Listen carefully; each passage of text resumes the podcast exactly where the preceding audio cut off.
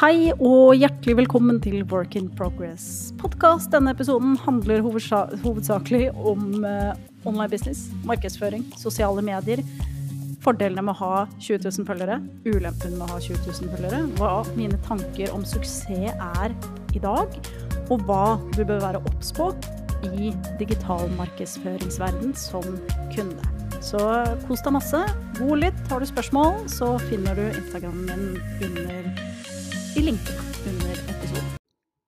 Altså, jeg har en sånn hjerne som bare Den jobber spesielt på kveldstid, og nå har jeg lagt barna, og jeg bare venta på sånn Nå må dere sove, nå må dere sove. Fordi at det er akkurat som hodet mitt begynner å lage setninger som jeg har lyst til å spille inn på podkast, og så går jeg og tenker på ting og tenker på temaer. Så det er rett og slett det jeg må gjøre nå, før jeg legger meg. Og apropos det her, nå har jeg snakket litt om um, markedsføring og sosiale medier og sånn på Instagrammen min. Uh, hvis du lurer på hvor den er, så ligger det link under. Men jeg kjenner jo at dette er en av de temaene som opptar meg veldig, og jeg har jo gitt meg sjøl den muligheten nå, da, til å på en måte gå opp en ny vei. Og det er jo litt denne, det denne podkasten handler om. fordi at det å komme til punkt i livet hvor du har gjort noe som du liker kjempegodt, sånn som jeg har gjort, til å ikke være så glad i det lenger, til å måtte finne noe nytt, men så er identiteten min så knytta, da. Og dette er jo sånn historie jeg lager i hodet så knytta til det jeg har gjort før, at jeg sliter jo med å slippe det, ikke sant. Um, og for deg som ikke kjenner historien min så godt fra før, i 2013-14 så startet jeg noe som heter Bare bra barnemat. I dag er det ganske stort. Jeg var der frem til 2019. Uh, da ble jeg nødt til å selge meg ut av min egen bedrift av litt ufine årsaker. Så jeg tror jeg bare holder det der i dag, og jeg skal reflektere og snakke litt rundt disse tingene, for det er det jeg syns er veldig, veldig interessant. Fordi um, det er mange ting som skjer Altså, nå har jeg drevet med online business og markedsføring siden 2015. Ikke kjempeaktivt hele tiden, men jeg har alltid fulgt med. Jeg ser jo hva som skjer, og jeg har uh, lært mye, sett mye, brukt mange metoder testa vanvittig mange ting. Uh, og så har jeg kommet til et punkt hvor egentlig veldig mye av det er litt sånn usmakelig, for min del. Jeg klarer ikke de sleazy Unnskyld ordbruken. Sleazy salgsstrategiene som blir brukt veldig mye av tiden. Um, så jeg tenkte jeg skulle dele litt sånn tanker rundt det her, litt læringer fra business, markedsføring, og hvordan jeg ser på det nå. For det Jeg husker jo Altså, da, da jeg startet jobben Vet du hva? Jeg skal faktisk nå snakke i jeg-person. Uh, fordi Og her kommer bitterheten frem. Jeg skal også snakke litt om følelser. Og ikke bitterhet på den måten nå lenger, men hadde arbeidet jeg gjorde blitt eh, respektert og kreditert, så hadde jeg vært evig stolt av å si vi. Um, men jeg kommer rett og slett bare til å si jeg. Fordi jeg vet hvilken jobb jeg la ned, jeg vet hva jeg har gjort. Um, uh, så det er det jeg kommer til å gjøre. Fordi at en del i meg kan jo slite med det. Ja, men vi var jo to. Ja, det var vi, og det var jo kjempegøy så lenge det varte. Det var gøy så lenge det var gøy. Eh, men jeg kommer til å snakke i jeg-form. Um, så jeg måtte bare hoste.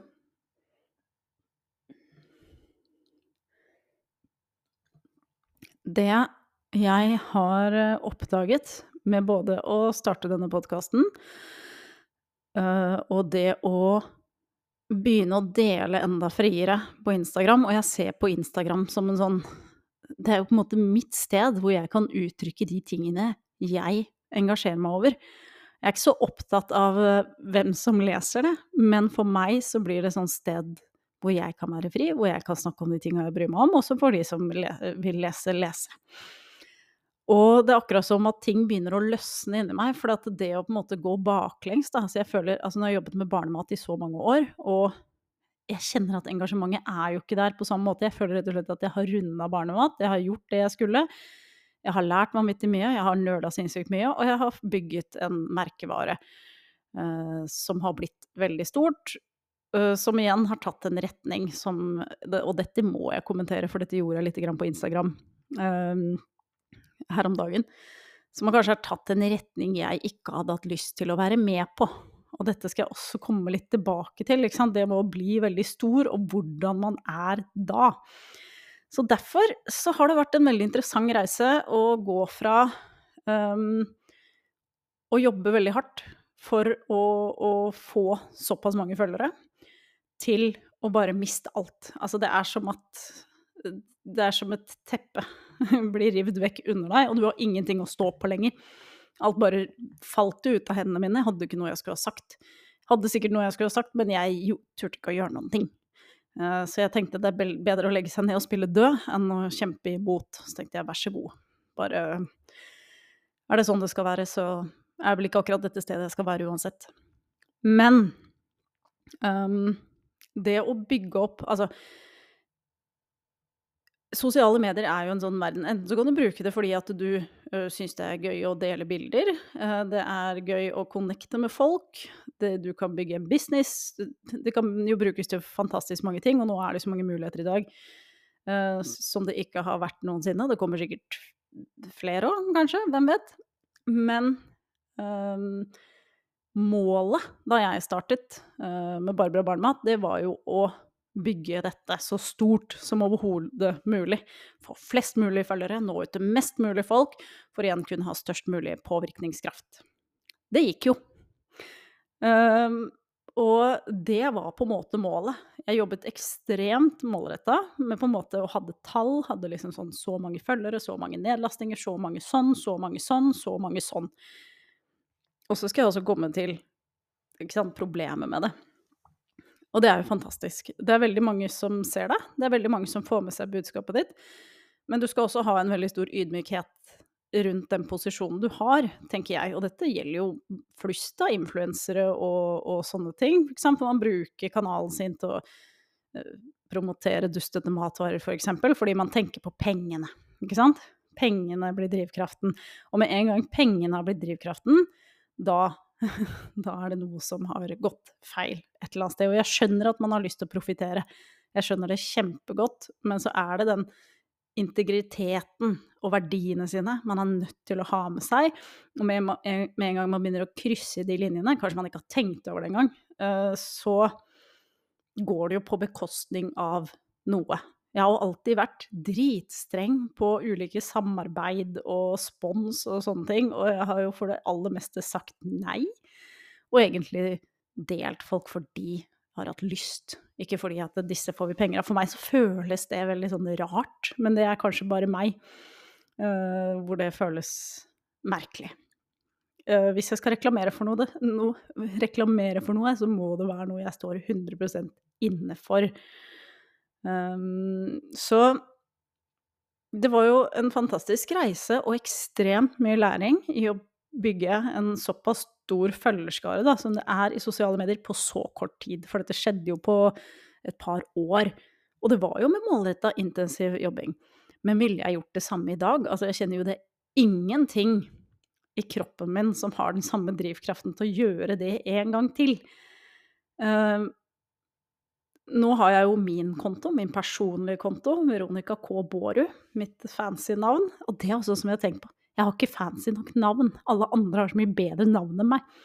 Men jeg må nesten bare eie navnet mitt, for det er det jeg heter. Og jeg syns det er veldig godt å bare kunne være meg. Jeg er ikke puttet inn under noen merkevare eller noen ting som helst, for at med en gang jeg setter meg sjøl i en boks, så føler jeg meg begrensa, og det liker jeg ikke.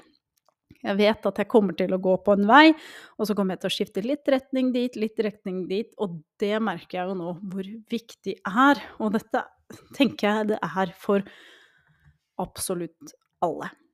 At vi lytter til kroppene våre, fordi det er nok ganske mange som står på et sted i livet hvor de har en jobb bare fordi de har hatt den i 15 år, og det er det mest praktisk fornuftige å gjøre, men man merker kanskje at man begynner å bli mer utbrent, man er sliten, man er lei, man har ikke lyst til å gå på jobb.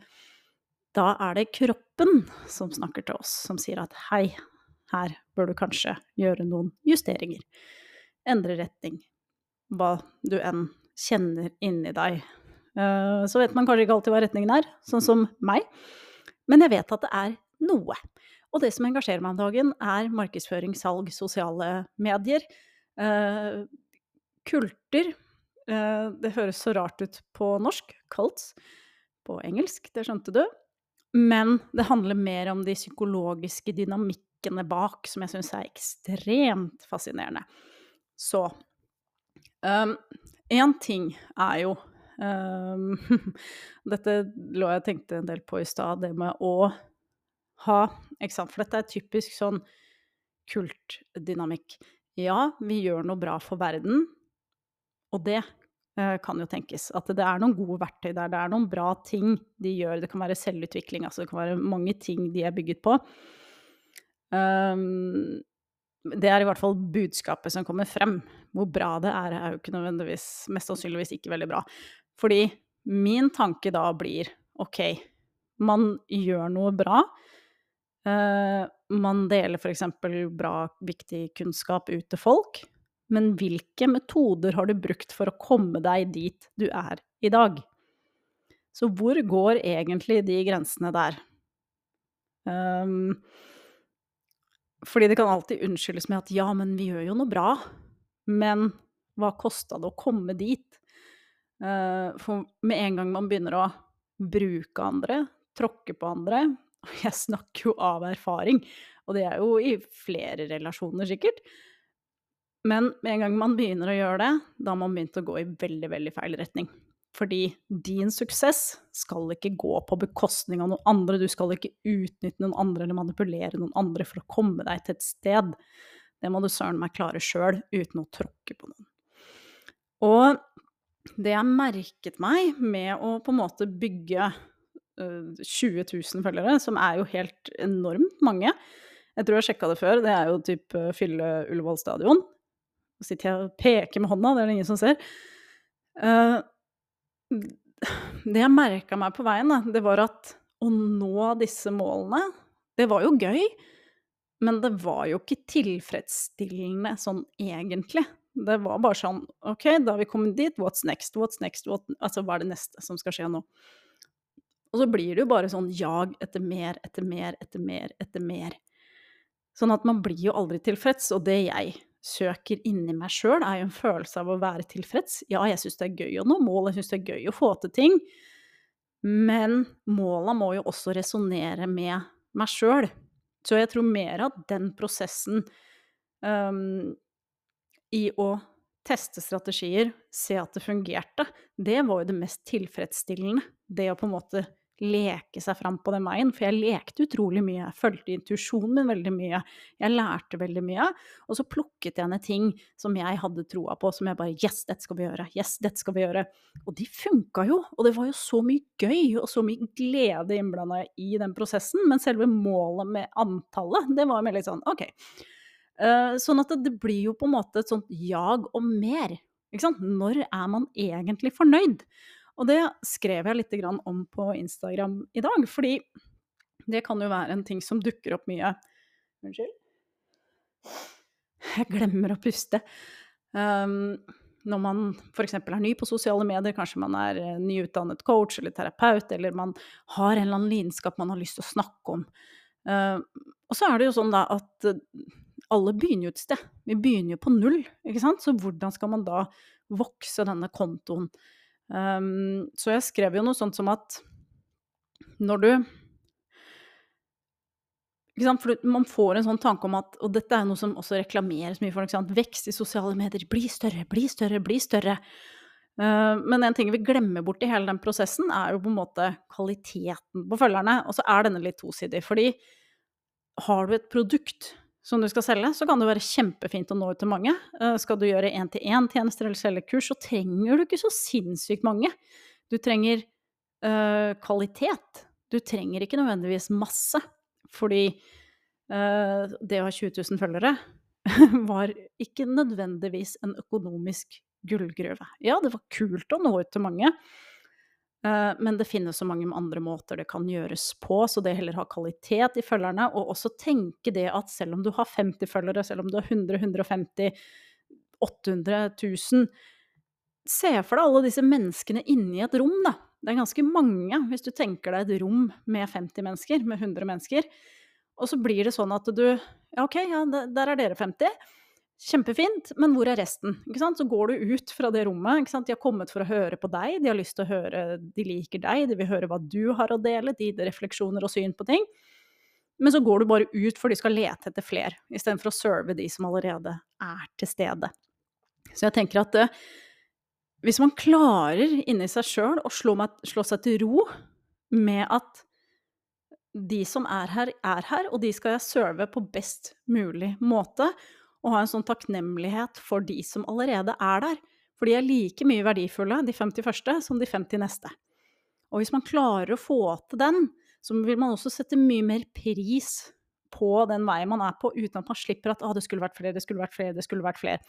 Og det er jo litt sånn ironien, da, som jeg syns er litt morsom her. Fordi du vet sånne kontoer som er sånn 'voks på Instagram'. Um, de kontoene vokser jo gjerne, fordi at mange har lyst til å vokse på Instagram. Og så kan man skryte av mye vekst fordi man vokser på Instagram. Jeg vet ikke helt om du skjønner den, men, men når du snakker om å vokse på Instagram, så blir jo den populær, for mange har lyst til å følge, mange har lyst til å lære mer. Og da kan man jo snakke til hvor stor konto man har, f.eks. Så mye vekst har jeg, så mange følgere har jeg.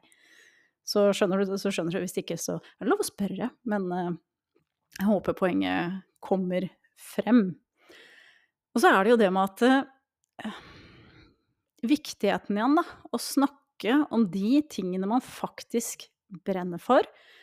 Det å tørre å vise mer og være mer av seg sjøl, det er nok noen av de viktigste tingene. Å se og huske på at det sitter ekte mennesker på andre siden som leser ditt innhold. Um, og ikke på en måte ta det for gitt sitter faktisk en haug folk her, ikke sant? Og så blir man så opphengt i følgere, i likes, i, disse tingene her, så tenker man å, jeg mislykka fordi ingen likte den. Nei, det er ikke det det handler om. Og det er heller ikke de tingene vi skal se på. For jeg tenker at liksom, er du ny og fersk på Instagram, så bruk det her som en lekeplass. Og du trenger jo ikke å være fersk heller, du kan jo holde på en stund, men du kjenner fortsatt på at jeg vil ha ut mer av meg sjøl.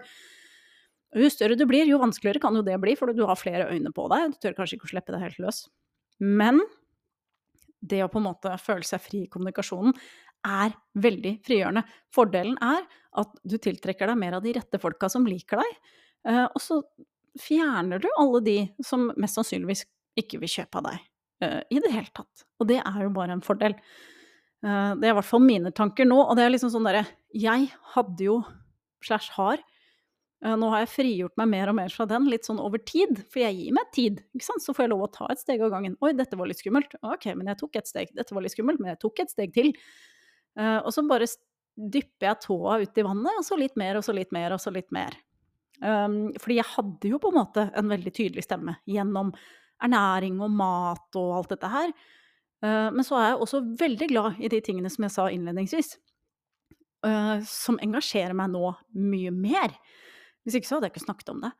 Uh, og så blir det sånn tanke i mitt hode da med at ja, men jeg er jo kjent for det, da må jeg liksom, og hva kommer folk til å tenke nå, og bla, bla, bla, bla. Og så til slutt så blir det sånn, men vet du hva, jeg kan jo ikke sitte og holde på sånn, fordi jeg går jo bare Eneste personen jeg går imot, det er jo meg sjøl.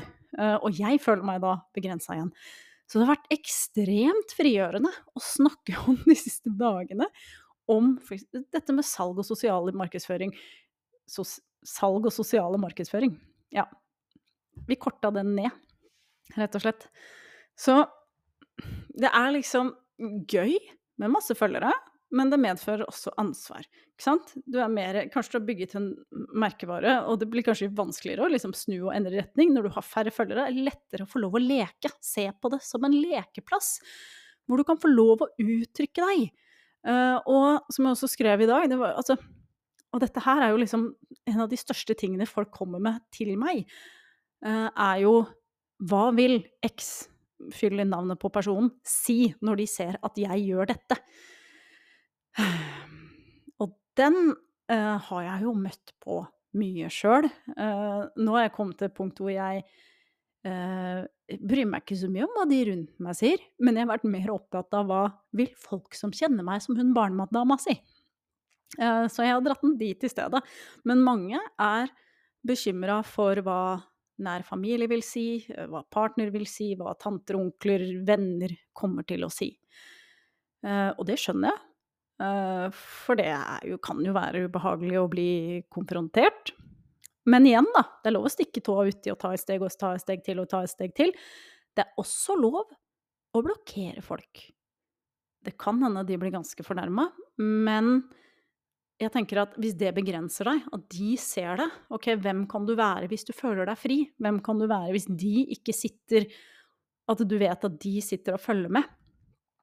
Sånn at du sjøl får lov til å slippe deg mer løs. Fordi at dette skal jo være din space. Det skal ikke være du, altså, du kan godt ha en privatkonto og si du skal bygge bedrift, eller du har et budskap du ønsker å begynne å dele. Um, ha en personlig en, og så har du en for den, og der er det lov å blokkere folk. Uh, jeg gjør også det.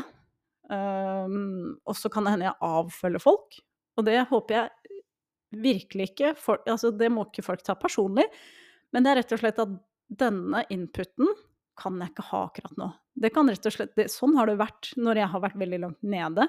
Så har jeg rett og slett ikke orka å se på andre suksessfulle folk som lever fantastiske liv. Jeg måtte rett og slett bare skjerme meg fra det, fordi det fikk meg bare til å føle meg mye dårligere. Så kan hende jeg kommer tilbake og så bare Nei, selvfølgelig skal jeg følge denne personen. Det er ikke det at jeg ikke heier, det er ikke det at jeg ikke Men det fikk meg til å føle meg dårligere. Fordi gitt historien min, ikke sant, være stor stjerne innenfor en veldig liten nisje, uh, på en veldig liten bit av nettet, til å bare fordufte å forsvinne og ikke få lov til å snakke om hva som faktisk skjedde. Uh, fikk jo lov, men jeg turte ikke. Og tør fortsatt ikke helt, men det kommer ut i drypp. Um, sånn at Det er jo akkurat det her, det jeg gjør nå. Um, og jeg merker jo hvor trukket jeg er mot ikke sant? Og så begynner jeg så lett å begynne å tenke jobb, ok, hva slags business kan jeg lage ut av det her? Og så prøver jeg å ta den litt bort, og heller forske mer på hva er det jeg syns er mest gøy akkurat nå. Hva er det jeg vil hjelpe folk med? For jeg elsker å jobbe én til én. Jeg elsker å jobbe Altså um, Hva er det heter for noe? Coache, mentoring. Det var egentlig ikke det ordet jeg skulle si, men jeg syns de er kjempegøy. Og jeg merker jo veldig sånn uh, Kjæresten min starta et firma i våres Uh, og jeg bare ja, ja, ja, men jeg bygger nettside, og så lager vi TikTok, og så gjør vi sånn, og så gjør vi sånn, og så gjør vi sånn. I løpet av et par måneder så hadde han jo fått kunder. Uh, og uh, på et par dager så hadde vi oppi Nå husker jeg det ikke helt, det er 25 000 views på TikTok. Altså, bare fordi jeg fikk lov å være i mitt ess og gjøre, liksom føle meg fri og bare Kom igjen, jeg gjør sånn, jeg gjør sånn, jeg gjør sånn. Bam, bam, bam, bam. bam sånne ting syns jeg er kjempegøy. Og jeg sitter jo og ser på ikke sant, når folk eh, nå eh, f.eks. har en lansering. Jeg ser jo hva de kan gjøre for å tweake, for å gjøre ting annerledes, for å gjøre ting mer effektivt. For jeg har gjort det så utrolig mange ganger sjøl, og jeg har prøvd så mange ting. Så akkurat nå syns jeg det er kjempegøy, og så det, det, får jeg bakt inn samtidig med den mentale biten. ikke sant? Det å tørre mer, det å utfordre seg mer, det å stå tydeligere i seg sjøl møte frykt, og hvordan man skal deale med de ulike, ulike utfordringene som dukker opp. Fordi det, hvis man går ut og starter en business og bruker sosiale medier, så er det i seg sjøl en stor utviklingsreise. Du er nødt til å møte deg sjøl i døra ganske mange ganger, du er nødt, nødt til å tråkke over terskler. Du er nødt til å møte frykt, men du kommer også til å se at dette går veldig, veldig fint. Det er ikke alle som kommer til å like det, og sånn er det bare, dessverre. Uh, men jeg tenker at vi kan jo også bli enda bedre til å heie på hverandre, ikke sant. Det er uh, Jeg føler liksom jeg har gjort det hele veien, kanskje litt for mye. Men jeg vil at bra ting skal komme ut i verden. Og jeg vet at det sitter mange dyktige mennesker som vi virkelig trenger, som ikke blir synlige nok. Eller liksom får tak i, finner kunder, altså er tydelig nok i budskapet sitt, whatever. Altså det er mange, mange årsaker. Um, denne gangen har jeg faktisk noen notater, det pleier jeg ikke å ha. Men jeg tenkte på det før jeg la barna, sånn at jeg måtte bare få det ned på papir. Um, og jeg Nå skal jeg snakke litt om CV-en min. Apropos det å ha hatt altså, ikke sant? Jeg har hengt meg veldig opp at ja, men jeg er sånn barnematdame. Folk kjenner meg fra mat og ernæring, og de har tillit til meg. Men så er det egentlig ikke det jeg har så veldig lyst til. Men jeg kan. Men så kan jeg begynne å se bakover i karrieren min. Hva er det jeg har gjort? Jeg har gjort utrolig mange rare ting. Jeg har jobbet mye i restaurantbransjen. Det kan jeg. Så jeg kunne også like gjerne gått tilbake og jobbet som servitør. Ikke lyst. Det er veldig mange ting jeg kan, men det betyr ikke nødvendigvis at jeg skal gjøre det. Og jeg vet at det viktigste jeg kan gjøre for meg, det er å følge kroppen min. Og hva mener jeg med det? Det som gir meg energi, det jeg nerder på, det jeg syns er kjempegøy, det jeg kan snakke om i timevis, lese om, gjøre uten at jeg blir sliten. Det er ting jeg får energi av. Det er mine nudgets. Um, og CV-en min, jeg har en bachelorgrad, hadde også mye skam der, uh, fordi jeg brukte så lang tid på å velge hva jeg skulle bli når jeg blir stor. Har en bachelorgrad i idrett, ernæring og helse, Syns det var kjempegøy. Uh, som ledet meg inn på denne veien som jeg nå har gått, som endte opp som en online-bedrift. Og uh, men på veien så var det jo sånn at ok, nå har jeg sittet på skolebenken, så jeg har lært fryktelig mange eller veldig mange ålreite ting om hvordan vi sørger for bedre helse i dette landet. Eh, det finnes ikke mange jobber for mennesker som oss, eh, dessverre. Det er, vi har lært, det er fantastisk mange gode verktøy for helse, psykisk helse osv. Um, og dette er vel litt derfor jeg også trekkes mot en retning, for jeg vil at flere skal bli synlige. For jeg vet at vi trenger denne hjelpen. Vi trenger folk å snakke med, vi trenger coacher, vi trenger terapeuter, vi trenger ernæringsfolk, altså trener all, frem i dagen. Um, men jeg satt jo da på studiet mitt, vi lærte veldig mye sånn praktisk Dette er smart, dette er smart, dette er smart, dette er smart. Uh, men ikke noe særlig om hvordan skal jeg få mennesker til å implementere det her. For jeg, jeg, vet at skulle jeg gjort en kostveiledning, så hadde du sittet foran meg så hadde jeg sagt her er planen din, sånn bør du spise. Det var liksom sånn det var lagt opp. Jeg uh, må ta en coachingutdannelse, fordi jeg var så trukket mot det. Og så dukket det opp et eller annet sted, husker ikke på veien, men det føltes ut som det falt i fanget mitt. Fanget mitt. Og det var da um, helsecoach, altså Certified Health Coach, via Institute of Integrative Nutrition. Og det var et år med masse, masse, masse læring. Alle mulige dietter, alle mulige metoder. Altså Eh, både for kropp og sjel og sinn og ernæring og den biten der. Samtidig som det var hvordan skal vi få folk til å endre vaner for å ta bedre valg for seg sjøl, eller de endringene som de har lyst til å gjøre, da. Um, og det tvang meg jo ut til å ha prøvekaniner som coach, noe som var fantastisk skummelt. Eh, jeg juksa til og med litt, det skal jeg ikke si høyt, på den siste, og latet som jeg hadde snakket med min mor. Um, men jeg måtte da få inn coachingkunder, og merker etter hvert at dette syns jeg er veldig gøy. Uh, dette er veldig nyttig. Uh, og så ender det opp med at jeg tar en coachingutdannelse til. Jeg visste egentlig ikke at den fantes, så jeg er certified high performance coach. Og det var jo rett og slett fordi jeg abonnerte på nyhetsbrevet til Brennan Bushard Fikk en e-post, eh, klikket på en link, klikket på en link til og enda en link. Til jeg plutselig sto på en sånn Hei, vil du bli certified high performance coach? Og jeg bare ja, det vil jeg. Og da måtte jeg også gjøre flere skumle ting. Jeg måtte sende inn en søknadsvideo på engelsk på to minutter. Det var dritskummelt. Det hadde sikkert kommet inn uansett. Men, uh, og så måtte jeg jo da skrive ned noen ting som jeg ikke husker helt hva var. Og så dro jeg til USA for å bli certified high performance coach. Og den, den erfaringen var fantastisk. Jeg var i San Hvor var jeg? det var mange USA-turer på kort tid. Jeg var i San Diego uh, på Og han leier alltid inn sånne fancy hoteller. Uh, så var vel på Hyatt eller noe sånt nå, i en sal sammen med fantastiske folk som var interessert i akkurat samme som meg. Og så husker jeg det var en dame som sa til meg at åh, du kommer til å være helt skjørt på dag to eller tre, for det er veldig, veldig intensivt. Uh, og så tenkte jeg bare med en gang Hvorfor trenger du å si det til meg? Det er vel opp til meg å avgjøre om jeg blir kjørt eller ikke. Det er trasse i meg.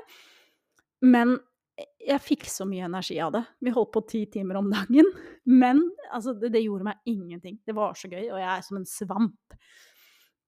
Så øh, nå husker jeg ikke hvorfor jeg begynte å snakke om det her i det hele tatt. Men jo, jeg har notater, så nå titta jeg på dem. Um, litt Altså, verktøyene i high performance eh, er fantastisk. De kan brukes på alle mennesker. Fordi det handler rett og slett om hvordan du får mer klarhet, du hva du kan gjøre for å øh, stabilisere, få mer energi. øh, hvordan du tenker. øh, hvordan du blir mer produktiv uten å slite ut deg sjøl. mange sånne temaer. Funker på alle.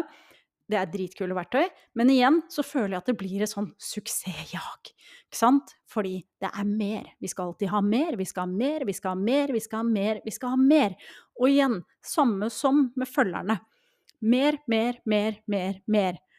Uh, når stopper det, lurer jeg på. Uh, jeg ble jo veldig stoppet av naturlige årsaker fordi jeg mistet bedriften min. Uh, jeg kunne ikke lenger gjøre det jeg holdt på med. Og jeg sto i en sånn utrolig ræva situasjon etterpå. Og fortsatt litt ræva. men Men det har jo gjort at det har gitt meg utrolig mye tid til å tenke. Det har vært mye, mye sorg, mye bitterhet, mye forbanna. Men også mye sånn Ville jeg vært med på det løpet der? Um, jeg hadde vel aldri noe sånn Jeg har ikke noe eksponeringsbehov. Jeg har ikke sånn at Oi, det er viktig at jeg er på forsiden av avisen. Det er ikke viktig for meg. Um, da må det være for noe bra. Jeg kan godt være et talerør for noe som er bra. Og dette husker jeg når vi satt med øh, vår andre bokkontrakt. Og vi satt i kontraktsmøter med flere forlag. Og jeg bare kjente at Har jeg lyst til å skrive en bok? En barnematbok? Eh, nei. Jeg har egentlig ikke det. Eh, og så husker jeg satt og tenkte for meg sjøl at ja, jeg skriver gjerne bok, men jeg gjør det når jeg har noe viktig å fortelle. Sånn at den, det engasjementet var jo ikke der for meg. Sånn at det, jeg endte opp med da, det var å putte det over på min partner og si at jeg kan godt skrive bok, men da er det du som tar ansvaret. Um, og da skjedde det ikke så mye, for jeg var jo vant til å drifte denne skuta. Men igjen, da. Det å lytte til hva som faktisk er viktig for meg, og hva er grunnen, ikke sant? For hvis man har et veldig stort behov for å bli sett, så tenker jeg også at det er så Og det har vi jo alle, ikke sant? Alle har jo lyst til å bli sett, men så tenker jeg også hvordan kan vi se og anerkjenne oss sjæl, sånn at du ikke trenger all den ytre valideringen, selv om det også er veldig, veldig hyggelig, men det er jo ikke det vi kan belage oss på resten av livet. For det handler om å bygge opp også en indre trygghet og en indre styrke i at shit, det jeg gjør, er faktisk bra. Uh, stole mer på egen stemme og det man har å, å komme med. Så igjen dette suksessjaget. Og jeg kjenner at jeg har meldt meg så av. Um, fordi Og det er litt sånn det, Jeg vet ikke, jeg hva er altså, det er en, Og dette er et spørsmål i high performance. Hva betyr suksess for deg? Um, og jeg tenker det også er et veldig viktig spørsmål, for jeg er også litt der sånn Klarer man ikke å være fornøyd her og nå? Det betyr ikke at vi ikke skal drive oss fremover, men jeg tror den indre drivkraften blir så mye mer ekte når vi har med hele oss sjøl på reisen. Så hva er suksess for deg, og hva er det for meg? Fordi vet, altså Hvis du går på YouTube og søker på Det fins jo massevis av skuespillere og sånne ting som sitter og snakker om akkurat det her. Ok, så satt jeg der, og så hadde jeg den mansion og de bilene og de fantastiske tingene. Ja, du må ha penger så du kan reise hvor du vil, men du kan fortsatt føle deg utilfreds. Så hva skal til for at du finner den tilfredse følelsen i deg sjøl akkurat nå? Samme hvordan livet ser ut. Eh, jeg vet at det er ikke alltid det går an. Det kan hende man må flytte seg ut av en situasjon, eller det er noen mennesker man må fjerne fra livet sitt. For det, man skal ikke finne seg i hva som helst. Men igjen, hvordan ser suksess ut for deg? Og så kan jeg tenke en av de tingene for min del, da. Og dette er bare rett ut av hodet mitt akkurat nå. Eh, det handler om å ha det bra med meg sjøl. Eh, ha gode, trygge, fine, morsomme relasjoner rundt meg som mine nærmeste å gjøre noe jeg virkelig trives med, og liksom få lov å være meg sjæl, få lov å uttrykke meg sjøl sånn som jeg har lyst til. Det betyr ikke at vi skal gå og uttrykke oss på en dustete drittmåte, men uttrykke de tinga jeg er lidenskapelig opptatt av, da. Og dette er jo en ting jeg har hatt med meg ganske lenge. Fordi igjen da, denne viktigheten at vi følger denne stemmen, at vi følger lidenskapen vår. Lidenskapen kan komme i mange ulike former. Og så kan det hende du sitter på et sted nå hvor du på en måte Åh, jeg føler meg så død på innsida. Det er liksom Åh, alt er bare et ork, og ting går på repeat, og man føler seg litt lost. Eh, noe som jeg har skjønt er ganske vanlig i dette livet. Man kommer til et punkt hvor man kanskje har kjørt seg sjøl i grøfta og glemt bort seg sjøl lite grann. Eh, denne lidenskapen kan jo komme i mange former. Kanskje du elsker å bygge Lego, elsker å pusle puslespill, male, danse, tegne. Lese om et bestemt tema, altså de tingene som gjør at du mister liksom tid og rom. Da er du jo på, inne på noe som forteller at dette får du næring av, dette nærer deg. ikke sant? Så er det hvordan putte inn mer av dette i, uh, i hverdagen og i livet. Og så er det jo også den at mine tanker rundt det her at vi har Og det er kanskje noe av det skumleste, da. Det å begynne å snakke mer om de tingene som vi tror på, og uttrykke de utad og nå tenker jeg jo mye på sosiale medier, for det er det jeg har med i hodet mitt. Snakke om de tingene og komme fra et sånt godt sted. Uh, og jeg skjønner at det er skummelt. Skjønner veldig. jeg har vært mye redd de siste årene. Um, fordi når du følger lidenskapen din, når du gjør, du gjør, det som føles riktig for deg, som du får energi av, som du kan gjøre sånn 'Å, gud, jeg kunne bare bada i dette temaet', da utfyller jo du på en måte den rollen du er ment å spille her på jorda. Sånn tenker jeg om det. Og når vi alle gjør det, så er vi alle på rett sted. For vi er ikke like. Vi har forskjellige interesser. Uh, og det har jeg sett for meg i mange, mange år, og nå så jeg det faktisk i en video her om dagen. Uh, det er jo som et gigantisk puslespill hvor alle brikkene passer perfekt inn i hverandre når vi gjør det vi har kommet hit for å gjøre. Og så vil det alltid være skummelt å endre retning. Um, men det betyr ikke at vi ikke skal gjøre de tingene som er, som er skumle. Og tråkke over den terskelen og bare Oi, jeg kan faktisk det her. Det er så tilfredsstillende. Så det er vel da, hvis jeg skal måle suksess, så handler det om å gjøre ting jeg virkelig elsker, for det nærer meg på en fantastisk god måte. Uh, og jeg får så mye energi av det. Så det handler om ikke sant, hvordan ser din puslespillbrikke ut? Den er ikke firkanta. Den har liksom en sånn liten bøy der og en liten bøy der. Og hva inneholder det du virkelig, virkelig, virkelig elsker? Um, og så må jeg gjenta til det ettertrykkelig at det er jo ikke nødvendigvis svaret å skulle starte en egen bedrift, selv om det ikke sant? Vi, vi, søker jo etter mer frihet, vi søker etter å kunne styre dagene våre selv. Um, men ikke sant, se ut ifra situasjonen du står i, hvilke justeringer er det jeg kan gjøre nå? Fordi jeg har sett så mange som blir pusha de blir ikke pusha, man tar steget sjøl, men man blir presentert at dette er en fantastisk mulighet, og du kommer til å klare det så og så fort, og så ender man opp Uh, kanskje med stor gjeld, eller i en vanskelig situasjon. Det gikk ikke så fort som du ble forespeila, eller som du hadde tenkt.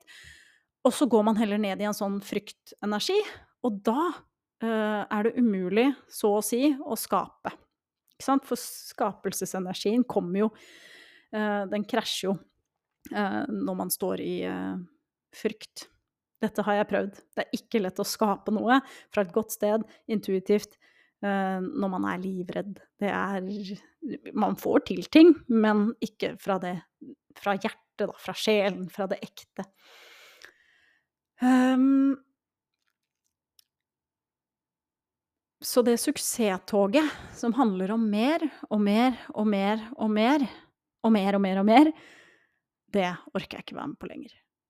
Um, selv om det har vært en sånn drivkraft for meg, for jeg tenkte at det Det er jo sånn det skal være, ikke sant. Du kan tjene så mye penger, så kan du gjøre sånn. Og så er det jo gjerne sånn at Og dette er jo veldig vanlig for veldig mange. Øker inntekten din, så øker også forbruket. Så får man får ikke nødvendigvis så mye bedre råd, så sant man ikke har et veldig bevisst forhold til akkurat det her.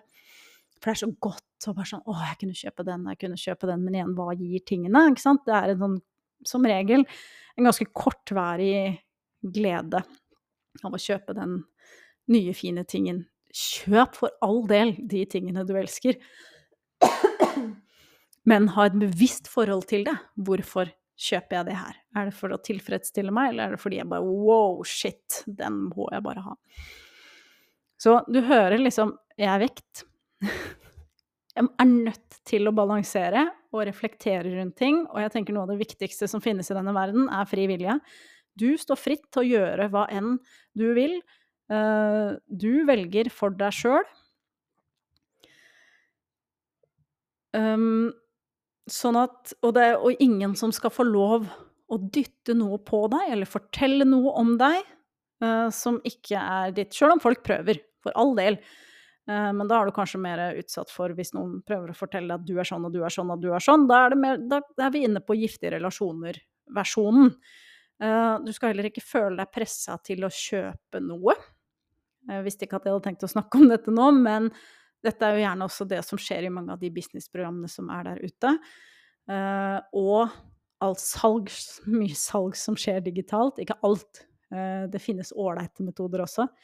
Det finnes Altså, når du Ja, jeg skulle snakke om dette nå. Når du ser på um, online-kurs Jeg har uh, solgt online-kurs, jeg har solgt medlemskap, jeg har solgt én-til-én, jeg har solgt pakker, e-bøker ja, sikkert flere ting òg, men um, Jeg lurer på om jeg skal gå inn på den metodikken kanskje i en egen podkast, men vi får se hva som kommer med her. Oi, nå blinka lyset. Har du sett? Um, sånn at eh, hvis du f.eks. er en, eh, en person som ønsker å bruke en tjeneste, jeg ah, kan fortelle faktisk en historie som jeg kom på nå, hvor jeg satt Jeg hadde sjekka ut et amerikansk uh, coachingprogram, for jeg er jo nysgjerrig. Men igjen, jeg har to sertifiseringer, og jeg har lært jækla mye på denne veien, så jeg trenger ikke flere sertifiseringer. Og jeg var veldig tydelig før jeg gikk inn i Jeg vet at det er en salgssamtale, jeg vet at den kommer fra USA. Så jeg var veldig tydelig på forhånd at jeg skal ikke kjøpe noe der og da uh, med meg sjøl. Og dette er jo også læring. Eh, men eh, vi endte opp med å sitte og snakke i nesten to timer, og jeg tror de siste tre kvarterene gikk på å prøve å pushe meg inn på et salg, eller at jeg skulle kjøpe, da.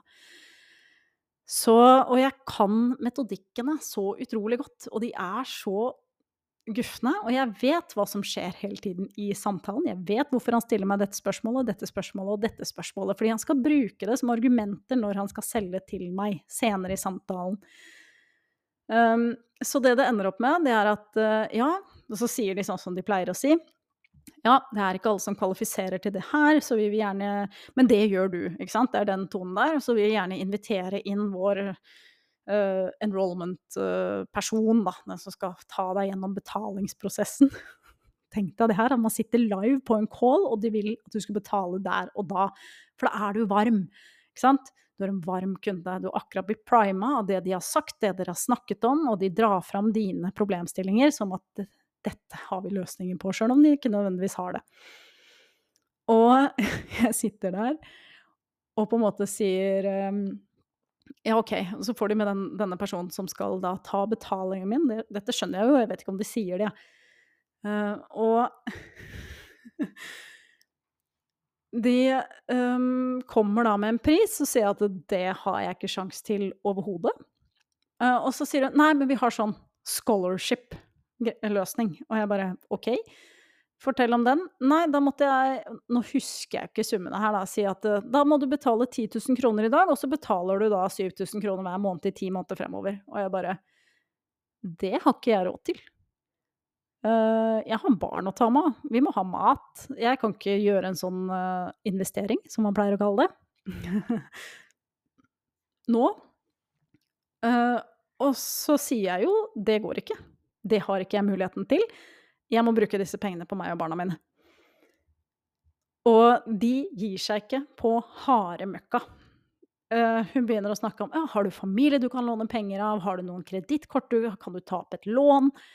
Alt for å få dette salget og få meg inn i deres program, som mye mulig er veldig bra. Men med sånne metoder så kommer jeg aldri til å kjøpe noe igjen. Helt uaktuelt. Um, så jeg ender opp med å si nei, og jeg ender opp med å si et enda tydeligere nei, helt til jeg må si fra og si vet du hva, nå har dere pusha meg så mye, og jeg sier nei. Dere må vite når dere skal stoppe. Uh, og jeg har høy puls, og jeg er, ganske, men jeg er veldig stolt over at jeg står i meg sjøl, og jeg bare på en måte Hei, hei. Dette er ikke greit. Uh, hvor hun da begynner å si til meg Men Veronica, vi ønsker deg jo bare det beste. Vi vil jo bare overøse deg med kjærlighet. Og jeg sitter der og jeg blir mer og mer og mer cringe, for jeg syns dette er så Altså, dette er så sleipe strategier. uh, de bruker. At jeg har Nå er de amerikanske, jeg vet ikke hvordan jeg skal få fjerna de fra verden. Men eh, til deg som sitter og hører på, vit at dette finnes. Vit at hvis du er inne i den verden og du søker hjelp, vit at dette kan skje. Eh, så jeg endte opp med å si nei, og han endte opp med å si ja, men da går du glipp av denne muligheten, for du får det aldri så billig igjen. Men du må gjerne prøve igjen senere. Og ble ganske snurt, for han har brukt to timer på meg, tross alt. Men gamle dager, Veronica, kunne jo få dårlig samvittighet, for nå har jo de brukt masse tid på meg. Derfor må jeg betale de. Men de visste veldig godt hva de drev med, og jeg var ikke med på det. Og dette her er jo litt sånn Nå skal jeg gi deg noen tips som du skal ta med deg. Um, noen kurs og medlemskap har jo en reell stengedato. Men alle kurs og medlemskap jeg har sett til nå, de åpner også igjen. Du går ikke glipp av noe. Uh, ikke tøm lommeboka di, og bruk penger du ikke har, uh, på disse programmene. Har du økonomi til det, gjør det gjerne. Men gi deg sjøl tid til å tenke deg om. Etter at du har vært i en salgssamtale, så anses du som en varm kunde, altså en som er sannsynlig til å kjøpe, de neste 24 timene. Så de kommer mest sannsynlig til å ta kontakt med deg innen 24 timer. For da er du fortsatt varm. Du husker samtalen godt. Um, og du lurer liksom på ja, det var kanskje en god idé. Og så vil de prøve å overtale deg igjen.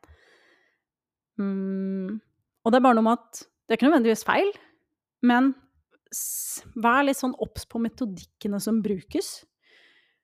Um, og gi deg sjøl tid til å tenke. Snakk gjerne med noen, og ta en vurdering fra et rolig ståsted. Hvis de ikke gir deg den tiden du trenger på å tenke, så blås i det. Hvis de prøver å pushe deg på en eller annen måte, blås i det.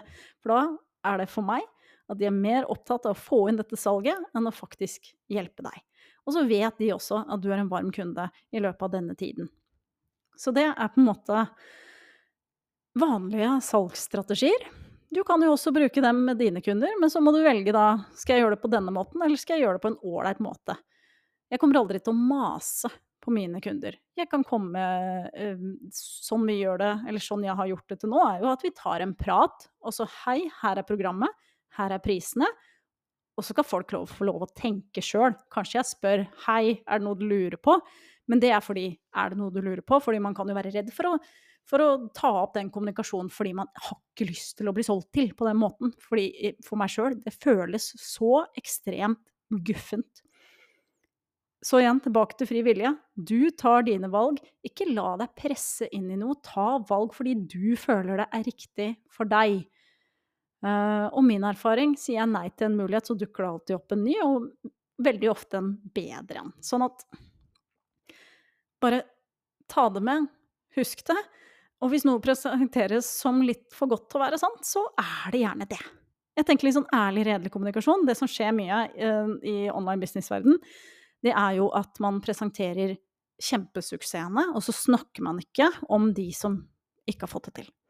Det blir jo ikke nevnt. Det, man kommer med glansbildehistorier, så jeg har jo sett dette på, på webinarer hvor de testimonialsene, altså de tilbakemeldinger, har jo ikke vært fra folk som har tatt kurset, det har vært folk som har vært med og jobbet én til én versus å ta et nettkurs.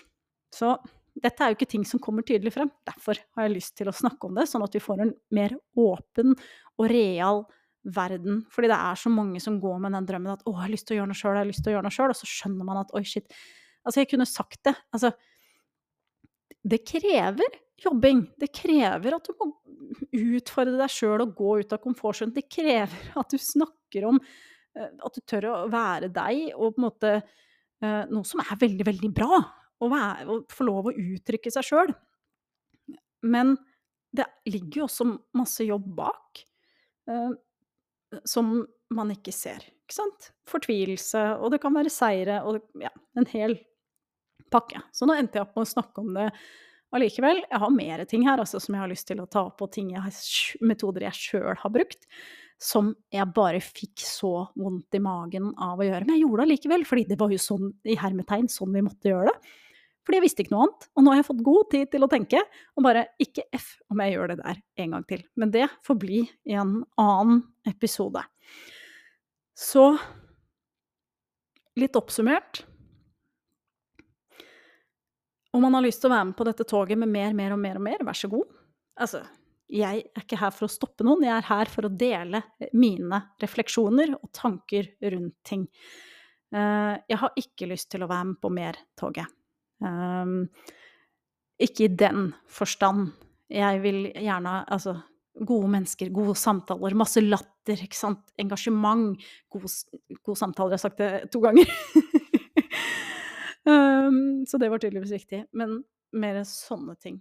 Så har du spørsmål til meg, uh, lurer på noe etter den episoden, så finner du meg på Instagram. Det ligger link under podkastepisoden. Og så høres vi igjen veldig, veldig snart. Ha en nydelig dag, kveld, natt. Jeg skal i hvert fall legge meg. Dette var veldig godt å få av brystet, så nå kan jeg legge meg med rolig hode, håper jeg. Høres snart.